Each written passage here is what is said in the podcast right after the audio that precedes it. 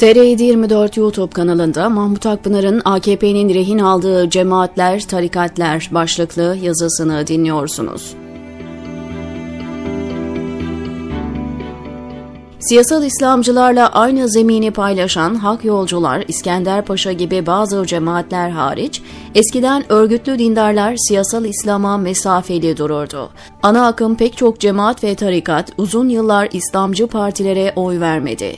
Dindarların büyük kısmı AP, DYP, ANAP gibi liberal, sağ, merkeze yakın partilere destek oldu. Ana akım dini gruplar bir siyasi partiye açıktan destek vermeyi tercih etmedi. Tabanına doğrudan siyasi telkinde bulunmadı.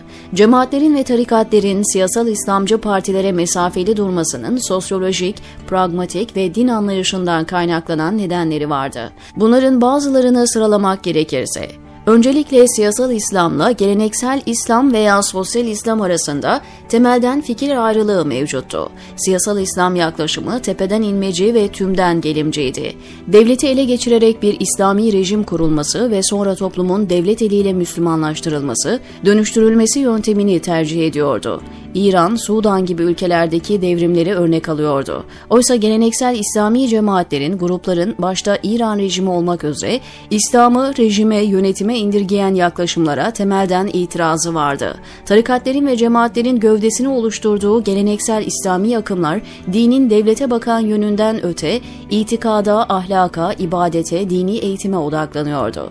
Tüme varım yöntemiyle bireyler düzeltilirse yukarıya doğru ailenin, toplumun ve nihai olarak da devlet yönetiminin düzeleceği tezini savunuyordu. Geleneksel dini gruplar siyasal İslamcıların devlete talip olarak laikçileri, kemalistleri tahrik ettiğini ve tüm dindarları hedef haline getirdiğini düşünüyordu. Teorik olarak siyasal İslam'ı onaylamama yanında pratik gerekçelerle de siyasal İslam'la aynı kareye girmek istemiyorlardı.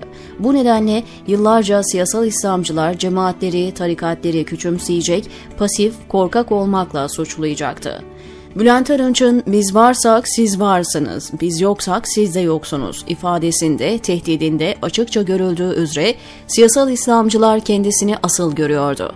Onlar siyasi temsilciye, halifeye tekabül ediyor, diğer dini gruplarsa onlara biat etmek zorunda olan tebaaya karşılık geliyordu.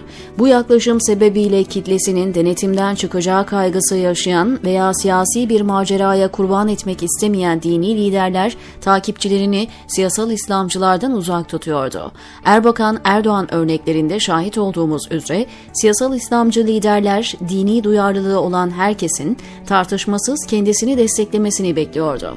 Aksi durumlar bayilik, isyan olarak görülüyordu. Tam da bu nedenle Hak Yol Cemaati lideri merhum Esat Coşan Hoca Efendi ile Erbakan arasında 1980'lerde iktidar mücadelesi çıkmış ve sert şekilde ayrışmışlardı. Türkiye'deki siyasi zemin oldukça kırılgan ve değişken olduğu, dindarlar statüko, askeri bürokrasi ve yargı açısından yıllarca tehdit görüldüğü, sık aralıklarla ülkede irtica histerisi hortlayıp, laiklik namına dindar avı yapıldığı için cemaatler, tarikatler, meşruiyet sorunu olmayan, rejimin tehdit algılamadığı partilere destek vermeyi daha güvenli buldular. Bizatihi tehdit olarak algılanan ve kapatılan İslamcı partilerle aynı çizgide durmak, tehlikeyi katmerli hale hale getiriyordu.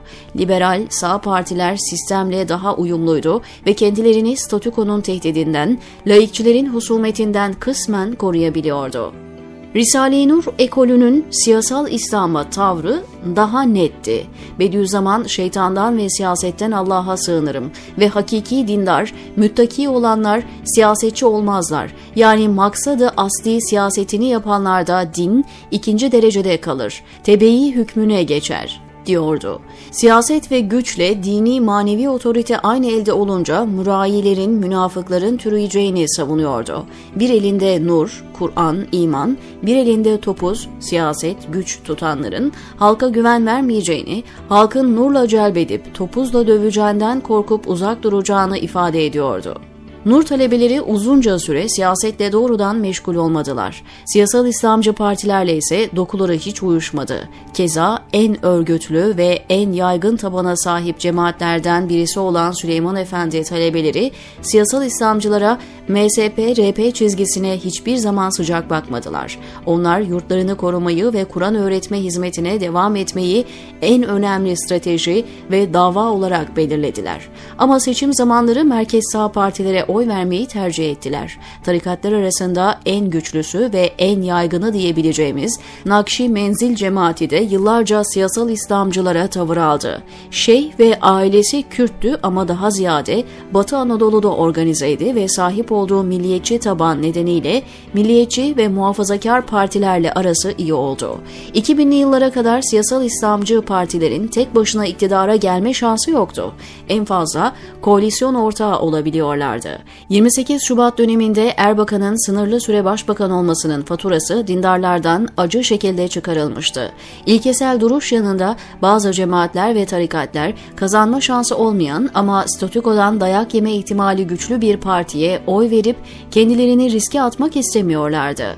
2002 seçimlerinde pek çok dini grup gömlek değiştirme iddiasına rağmen AKP'ye mesafeli davrandı. 28 Şubat'ın etkisi sürüyordu ve layıkçı cephe statüko Schlöde. Dini hizmetlerini sürdürmeyi amaçlayan ana akım cemaatler, tarikatlar, siyasal İslamcı genetiğe sahip Erdoğan, Gül, Arınç gibi siyasetçilere kuşkuyla baktılar. Ülkeyi ve Müslümanları yeni maceralara sürükleyeceği endişesini taşıdılar. Gülen cemaati dahil örgütlü dindarların AKP'ye oy vermesi ikinci dönemle yükselişe geçti. Zira bu arada AB, demokrasi, hukuk, insan hakları gibi konularda AKP ciddi adımlar atmış, liberaller, Kürtler, azınlıklar yanında dini gruplarında güvenini kazanmıştı. Girdiği ilk seçim olan 2002'de %34 oy alan AKP, DSP, ANAP, DYP, MHP gibi partiler baraj altında kaldığı için iktidar oldu. Asıl sıçramayı demokratik açılımları mütakip girdiği ikinci genel seçiminde yaptı ve oylarını %46.6'ya çıkardı. Zamanla İslamcı kadrolara güvensizlik yerini güvene bıraktı. Örgütlü dini gruplar da AKP'ye oy verir hale geldi.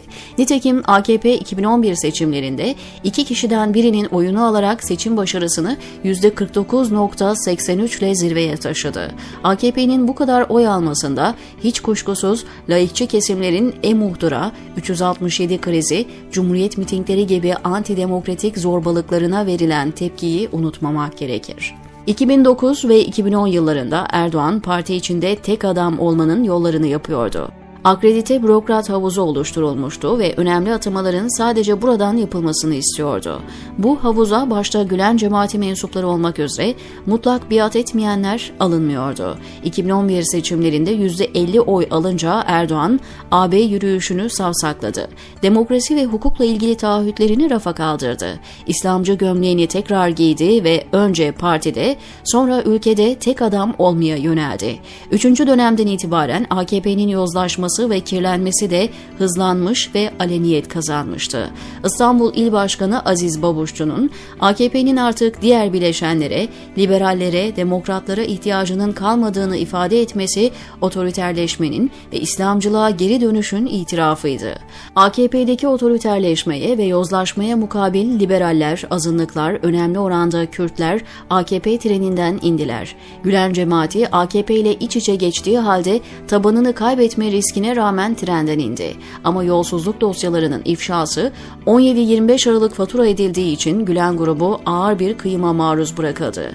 Yeni Asya Cemaati, Furkan Cemaati gibi gruplar AKP ile mesafeli durdu. Böylece iktidarın zulmünden değilse de yolsuzluk ve kirlerinden kendini korudu. Süleyman Efendi cemaatinin ana akımı baştan itibaren AKP'ye karşıydı. Erdoğan bu sebeple onlara zulmetmeye herkesten önce başladı, yurtlarını yıktırdı, cemaati böldü. Ama geriye kalan dini cemaatler maalesef kirlenmiş, yozlaşmış, boğazına kadar zulme batmış AKP treninden inemediler. Aksine daha da yapıştılar. Zira AKP diğer cemaatlere Gülen cemaatinin çökülen mallarını, imkanlarını taahhüt etti ve bir kısmını onlara dağıttı. KHK'larla tasfiye ettiği nitelikli kadroların yerine bunların yetersiz, niteliksiz elemanlarını doldurdu. Cemaatlerin ve tarikatlerin önderlerine ihaleler, imkanlar, makamlar verdi. Kirli işlerine bulaştırıp onları şantaja, tehdide açık hale getirdi. Ayrıca bu cemaatlerin tabanı cemaat yönetimi üzerinden ağır siyasi propagandaya maruz kaldılar. Yıllarca siyasal İslamcılarla geleneksel cemaatler arasında uçurum oluşmuş, birbirlerine ağır hakaretler etmişlerdi. Pek çok cemaatin, tarikatın, MSP milli görüş çizgisindeki İslamcı partilere oy vermeyeceği adeta kanaati katiye olmuştu. Üçüncü dönemden sonra Erdoğan'ın AKP'si MSP, RP ile dahi kıyaslanamayacak kadar siyasal İslamcı hale geldi. Taraftarlarını radikalleştirdi, şiddete, silahlanmaya açık hale getirdi. Bu safhada dünün ılımlı geleneksel dini cemaatleri AKP'nin kirli ve ayrıştırıcı politikalarının parçası oldular. Daha önce radikal yaklaşımlara, şiddete açıkça tavır alabilen bazı cemaatlerin, grupların çocukları ya dinden kopup sekülerleştiler veya radikalleşip şiddete yatkın hale geldiler. İntihar eden merhum Enes Kara örneğinde gördüğümüz üzere ebeveynlerinin ve cemaat çevresinin ikilemleri, ilkesizlikleri nedeniyle dini çevrede yetişip deist, ateist olan çok genç var. İlkesizlikleri hazmedebilenlerse söylemlerinde dini mukaddesatı kullanan ama bohem yaşayan AKP militanlarına, Erdoğan hayranlarına dönüştüler. AKP ile birlikte yürüyen cemaatlerin, tarikatların önceliği artık ahlak, ibadet, kalp hayatı, tasavvufi derinlik filan değil. Onların ajandasında kazanımlarını korumak var. Son zamanlarda söylemlerine siyasi kavramlar hakim. AKP 12 asırlık tasavvuf ekollerini, gönül ve hal dergahlarını yozlaştırdı, siyasallaştırdı. AKP destekçisi tarikatlar, cemaatler düştükleri halin farkında bile değil. Farkında olanların yapabileceği çok şey yok. Zira kirli ve zalim AKP ile bütünleştiler. İktidarın nimetlerine, imkanlarına fazla alıştılar. İlkesi ve kutsalı olmayan Erdoğan'a rehin düştüler. Artık bu trenden inemezler. İnmeye kalkanlar operasyona maruz kalır, ağır kayıplar yaşar. Çünkü tabanlarını Erdoğan rejimine dolgu malzemesi yaptılar. Ayrıca Erdoğan MIT üzerinden bu cemaatlerin tarlalarını sürdü, kadrolarını şekillendirdi. Ayrışmaya çalışsalar bir yaraları Erdoğan'ın elinde kalır. Yazık ettiler kendilerine. Kısa vadeli ve dünyevi bazı kazanımlar için tarih boyunca alınlarına yapışacak bir kara edindiler. Basiretli davranıp zamanında Erdoğan'ın treninden inemediler. AKP yozlaştıktan, hırsızlığı aleniyet kazandıktan sonra teslim oldular, hem kendilerini hem de tabanlarını heder ettiler. AKP'nin cemaatleri rehin alıp dilediği gibi kullanmasında cemaatlerin vebali büyük ama her fırsatta din düşmanlığı yaparak kendilerinden daha nitelikli ve eğitimli dindarları bile aşağılayıp dışlayarak dindar kitleleri kirli AKP'ye mahkum ve mecbur eden CHP'nin laikçilerin payını da unutmamak lazım.